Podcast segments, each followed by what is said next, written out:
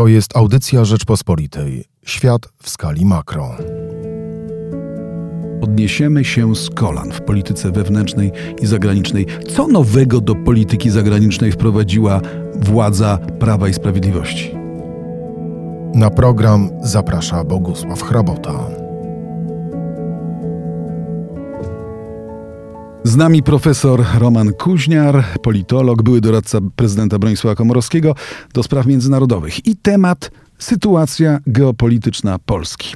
Profesorze, przed czterema laty dziś rządzący jako opozycja nazywali Polskę kondominium niemiecko-rosyjskim. Co się zmieniło w sytuacji Polski w ciągu czterech lat? Czy rząd PiS poprawił polską sytuację geopolityczną?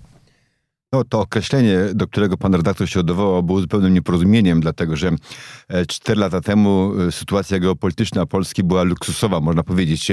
Jeżeli już odniesiemy się, czy posłużymy się tym kompletnie nieprawdziwym e, terminem kondominium polsko-niemieckie, znaczy rosyjsko-niemieckie, e, to byliśmy w tamtym czasie w tym kondominium, którego nie było tak naprawdę.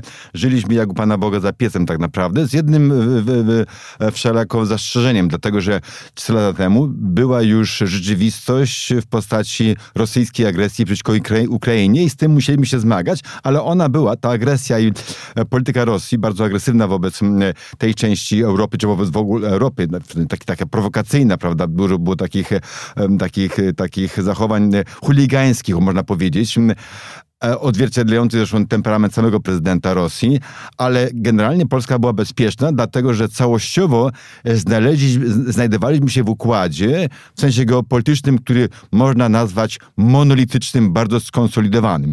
Dzisiaj oczywiście, tak jak wtedy e, nie było i nie ma dzisiaj kondominium e, niemiecko-rosyjskiego i Polski pośrodku, czy wewnątrz tego kondominium, natomiast sytuacja geopolityczna jest nieporównanie gorsza, czy w ogóle wręcz pogarsza się, robi się zła, w, w, w, pewnym stopniu jest to zasługa y, rządzących, ale trzeba powiedzieć bardzo wyraźnie, że zmiana sytuacji geopolitycznej na taką skalę, jaka w tej chwili się zachodzi, ona nie może być zasługą tylko Polski, dlatego że Polska jest zbyt małym graczem, żeby w tak ogromnym stopniu wpływ, wpływać na y, zmianę sytuacji geopolitycznej.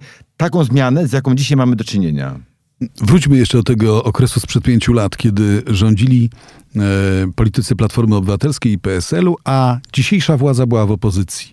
Mówiono wtedy, że nasze związki z Niemcami są zbyt bliskie, że jest zbyt bliska relacja osobista nawet Donalda Tuska i Angeli Merkel. Z drugiej strony też pewna służalczość wobec Rosji. Czy to były prawdziwe zarzuty, pańskim zdaniem? To jakieś kompletne szaleństwo, muszę powiedzieć, zupełnie tego nie rozumiem. E, bliskie, dobre kontakty, taka dobra chemia między przywódcami, e, no to to jest kapitał, no to to jest bezcenna wartość, na to się długo pracuje, to się czasem w ogóle nigdy nie zdarza między wieloma przywódcami. To, że e, akurat nie między politykami, bo to nie była taka kwestia relacji, dobrej relacji rzeczywiście między panią kanclerz a premierem Tuskiem, takiego szybkiego porozumiewania się w sprawach ważnych dla, dla Polski, także dla Niemiec, dla Europy, ale to była także dobra relacja innych polityków, prezydenta Komorowskiego ze swoimi kolejnymi odpowiednikami niemieckimi. Natychmiast prezydent Komorowski znajdował wspólny język, przecież z trzema kolejnymi prezydentami Niemiec, bo tam były te zmiany, szybkie pan redaktor z całą pewnością pamięta takie, takie z, różnych powodów zachodzące. I, i, I, to był kapitał. Natomiast jeżeli chodzi o służalność wobec Rosji, no nic z tych rzeczy, nie ma żadnych takich, e, nie ma żadnego takiego dowodu, e, który by mógł to potwierdzać. Owszem, Polska był taki moment, próbowała przebić się czy mm, spowodować zmianę relacji e, dwustronnych, ale taki jest obowiązek każdej polityki zagranicznej,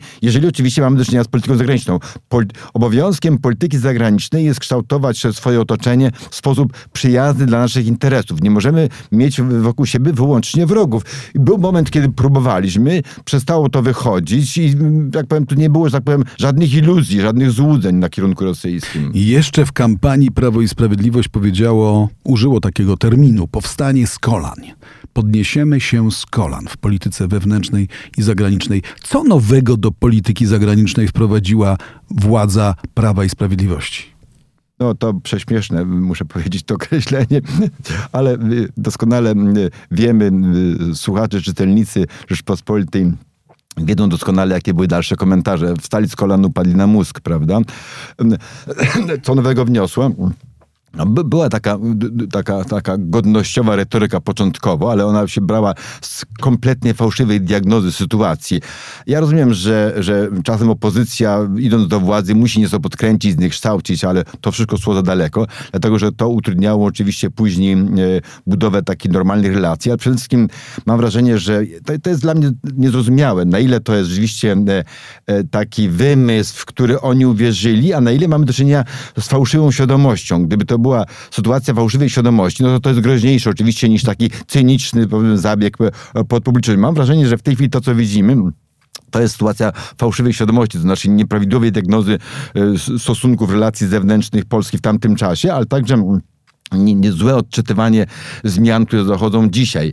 E, e, e, dlatego to, to, to, to, jeżeli wprost mam odpowiedzieć na pytanie, co się zmieniło w polityce zagranicznej po tym, jak obecna władza pięć lat temu postanowiła wstać z kolan, to moja odpowiedź, odpowiedź najkrótsza jest, iż władza PiS, obecny rząd, ale to nie dotyczy nie tylko rządu, generalnie rzecz biorąc, siła polityczna, która dzisiaj Polską rządzi, dotyczy to i prezydenta, i rządu, amputowała Polsce polityce, politykę zagraniczną. Mówię z całą odpowiedzialnością. Amputowała Polsce politykę zagraniczną, dlatego że e, to, co było kiedyś polityką zagraniczną, zostało e, zredukowane do rozpaczliwej obrony stanowiska e, rządu i prezydenta w sprawach związanych z przekształceniami ustrojowymi w Polsce wobec Brukseli, wobec Unii Europejskiej.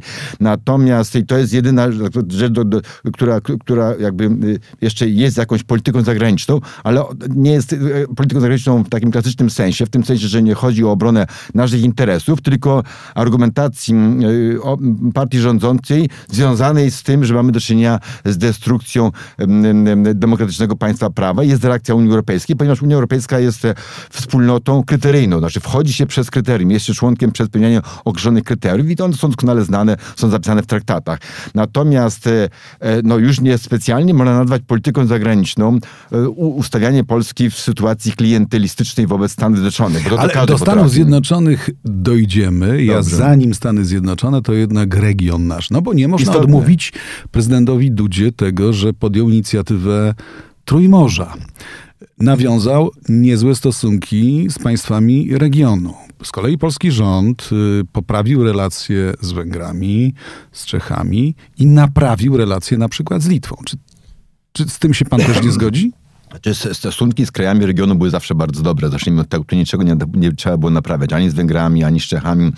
Owszem, mieliśmy czasem mieli z nimi trudności, dlatego że no, mamy tam do czynienia z politykami, którzy lubią czasem jakby pójść po bandzie, ograć nas, y, bo, bo są czasem utalentowani, sprytni, są y, bardziej powiedziałbym e, czasem tacy hipokrytyczni niż, niż to jest w naszej naturze. E, czasem na to, że tak powiem, rzymaliśmy, ale uważaliśmy, że to jest region i trzeba grać wspólnie i stosunki z państwami regionu były bardzo dobre zarówno z Grupą Wyszehradzką, jak i format bukaresztański, to przecież to jest inicjatywa prezydenta, prezydenta Komorowskiego, podobnie jak te rzecz, to Trójmorze to nie jest nic innego jak przekształcenie inicjatywy, zresztą sięgającej jeszcze, pamiętającej czasy Aleksandra Kwaśniewskiego. To były też szczyty przywódców państw Europy Środkowej, Południowej, Lekkowschodniej, bo to Ukraina w tym e, także wtedy brała udział. Czyli mówiąc krótko, Trójmorze jest kontynuacją poprzedniej polityki, a tak. nie nową jakością nie, nie w polityce jakością, Natomiast ja uważam, że, że z jednej strony ja bym się bardzo cieszył, gdyby chodziło istotnie o poprawę naszych relacji, czy poprawę. No, tu nie trzeba mówić, ale nasycanie ich dobrą treścią. Bardzo, to każdy rząd powinien dokładać swoją cegiełkę do dobrych relacji z, ze sąsiadami. Region zawsze jest najważniejszy, bez wątpienia. Natomiast e, ta nowa jakość, którą e, no, obecny rząd e, i prezydent również wniósł do relacji z Grupą Wyszehradzką i z państwami, które dzisiaj tworzą, nazwijmy to tą formułę Trójmorza, to jest próba ustawienia zarówno jednego, jak i drugiego w opozycji wobec Unii Europejskiej. To jest pewien kłopot, dlatego że ja sobie cenię e, dobre stosunki z sąsiadami, tak należy.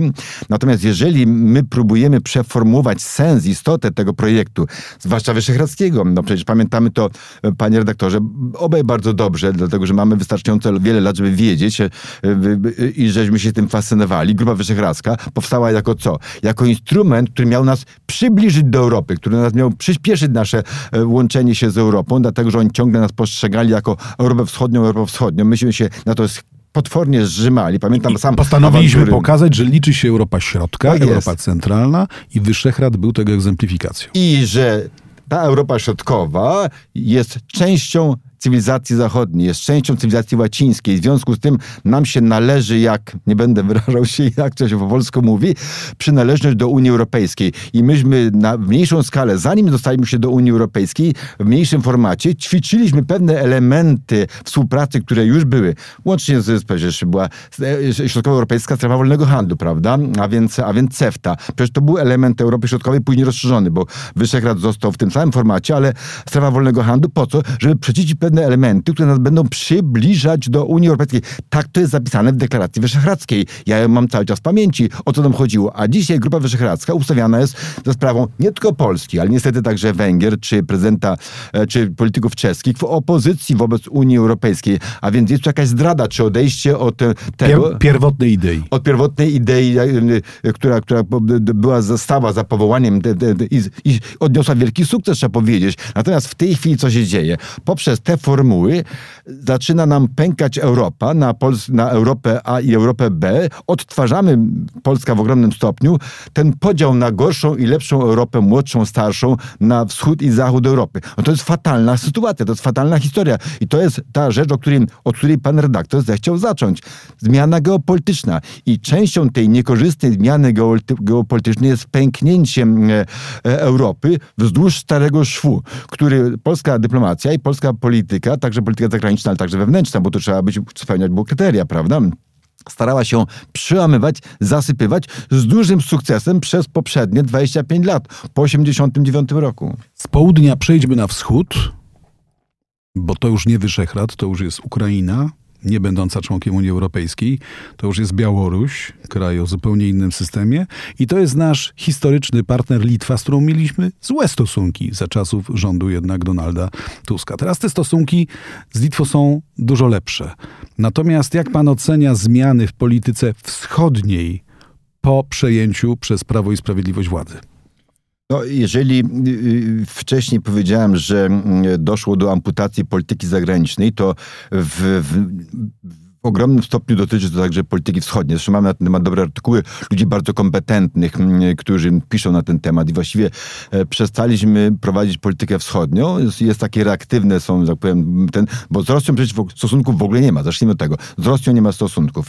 Wobec mm, e, e, e, Ukrainy e, mamy takie, takie, powiedziałbym, e, jakieś takie złogi neoendeckie, czy, czy endeckie złogi się pojawiają, takie drugie dno, takim, tak, taki polityka historyczna. Przestaliśmy być adwokatem sprawy Ukrainy no tak, w Europie? Przestaliśmy być e, adwokatem z, z wyboru, ale Ukraińcy mówią, takiego adwokata nie chcemy.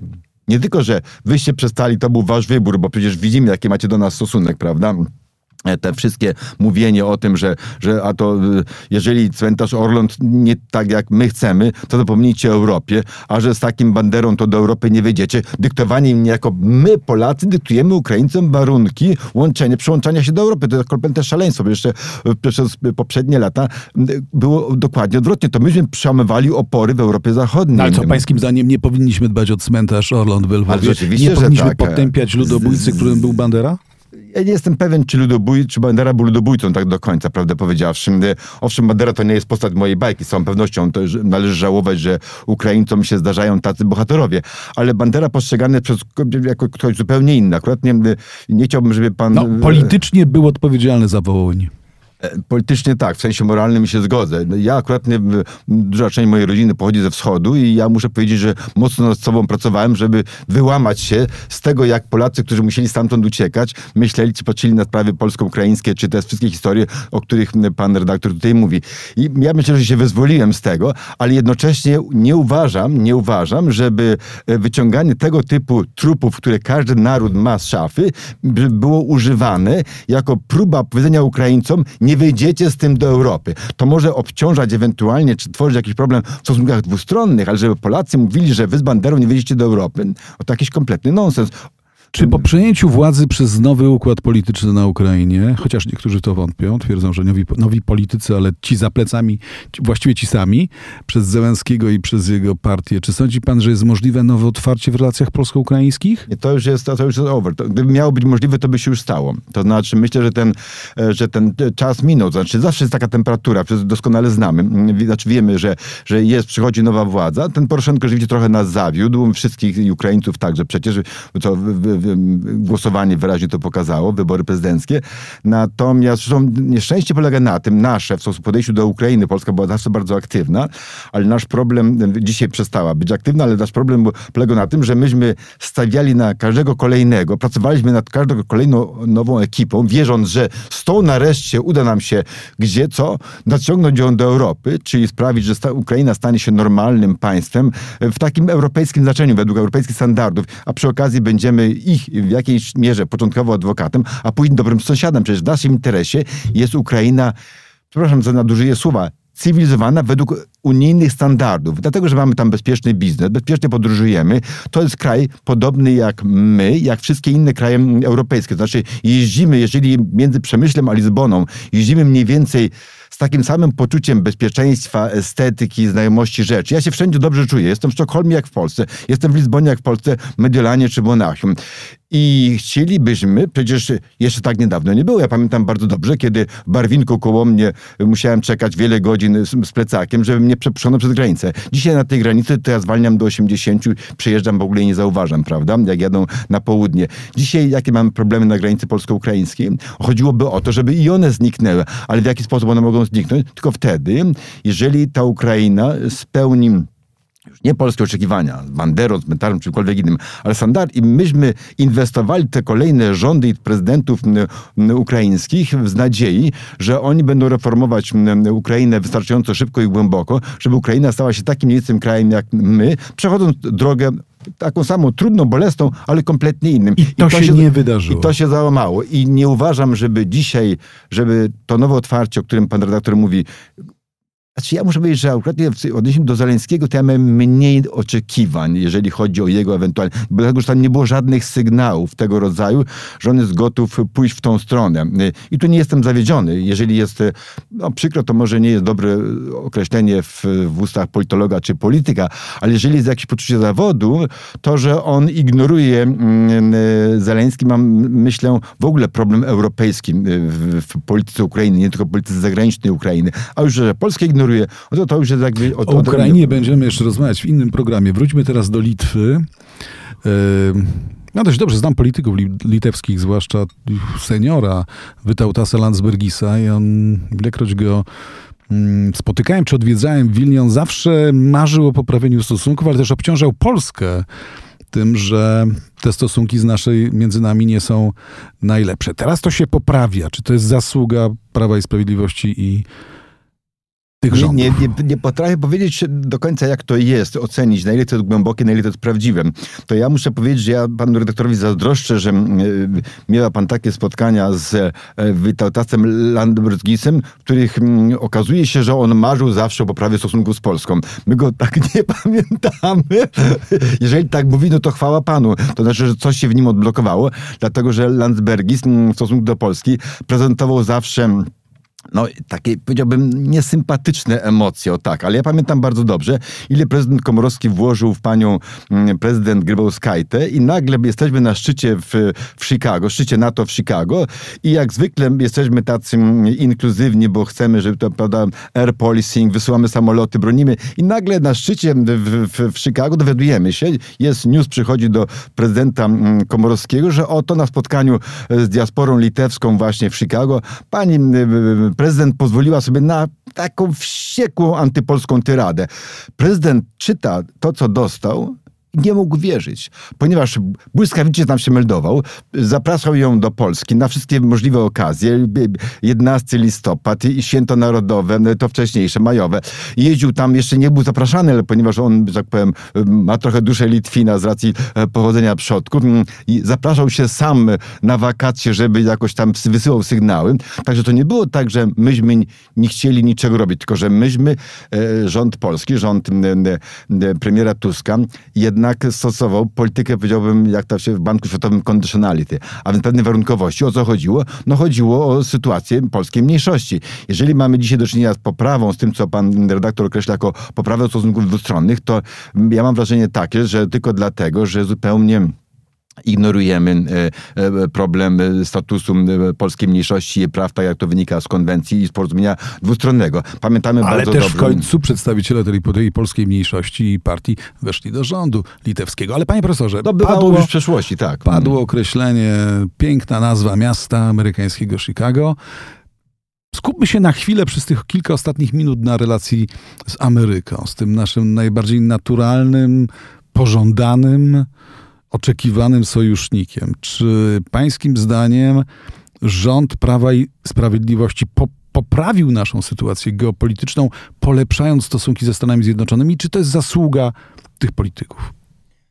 Stosunki ze Stanami Zjednoczonymi przez ostatnich kilkadziesiąt lat, po 1989 roku, były zawsze bardzo dobre. Były świetne. Mm, Początkowo tam jeszcze, tak powiem, może był taki mm, pierwszy moment, pierwszy rok, półtora prezydentury Clintona, prawda? To się później przełamało i właściwie e, nie pamiętam później momentu takiego, w którym my byśmy mogli narzekać na stosunki polsko-amerykańskie.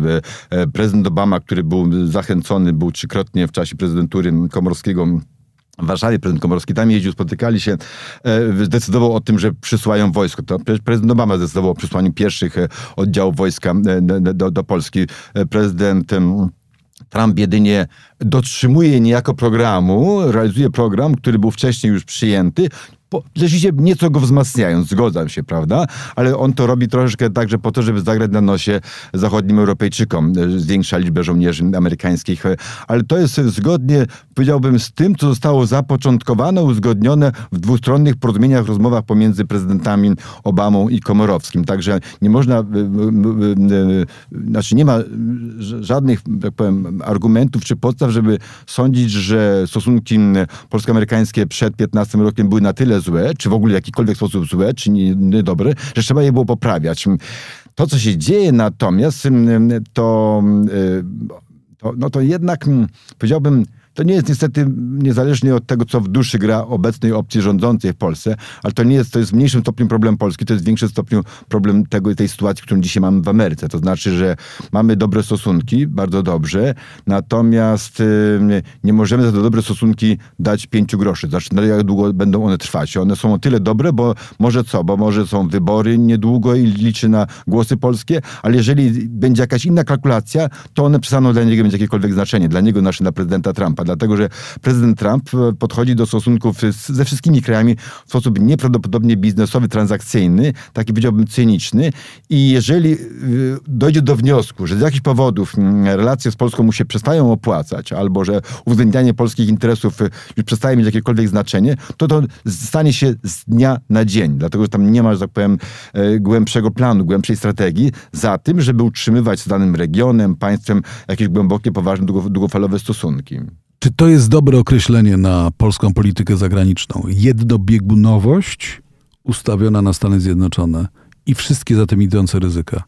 Tak, to jest dobre określenie, z tym, że jednobiegunkowość, ale taka klientelistyczna, dlatego że partia rządząca buduje wewnątrz Polski system klientelistyczny i to widzimy na, różnych kierunkach, dlatego doskonale się wpisuje w klientelizm, który z kolei e, jest taką myślą przewodnią, czy logiką polityki zagranicznej e, Donalda Trumpa. To jest biznesmen i tylko w takich kategoriach. To jest taki troszkę układ, jak, jak Amerykanie mieli z wieloma krajami Ameryki Łacińskiej w latach 60., 70., to się jakoś później skończyło, może w odniesieniu do jednego czy drugiego kraju.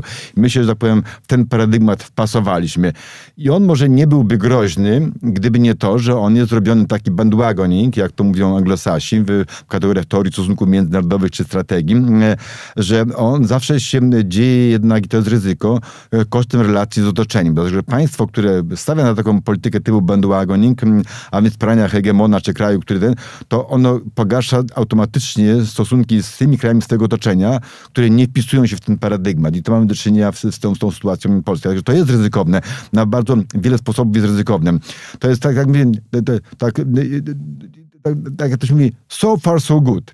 Ale w każdym momencie to się może zmienić, dlatego że e, polityka tego prezydenta jest, e, to jest nieobliczalność, to jest brak stałości, to jest zmienność, e, tam nie ma żadnego słowa honoru czy jakby solidności w tym. A to, to jest ogromne ryzyko. To, to, to, to, no ale panie profesorze, dłużej klasztora niż przeora. Absolutnie. Polityka amerykańska może się ustabilizować w kolejnej kadencji Trumpa albo w, ka- ka- ka- w kadencji jakiegoś innego prezydenta.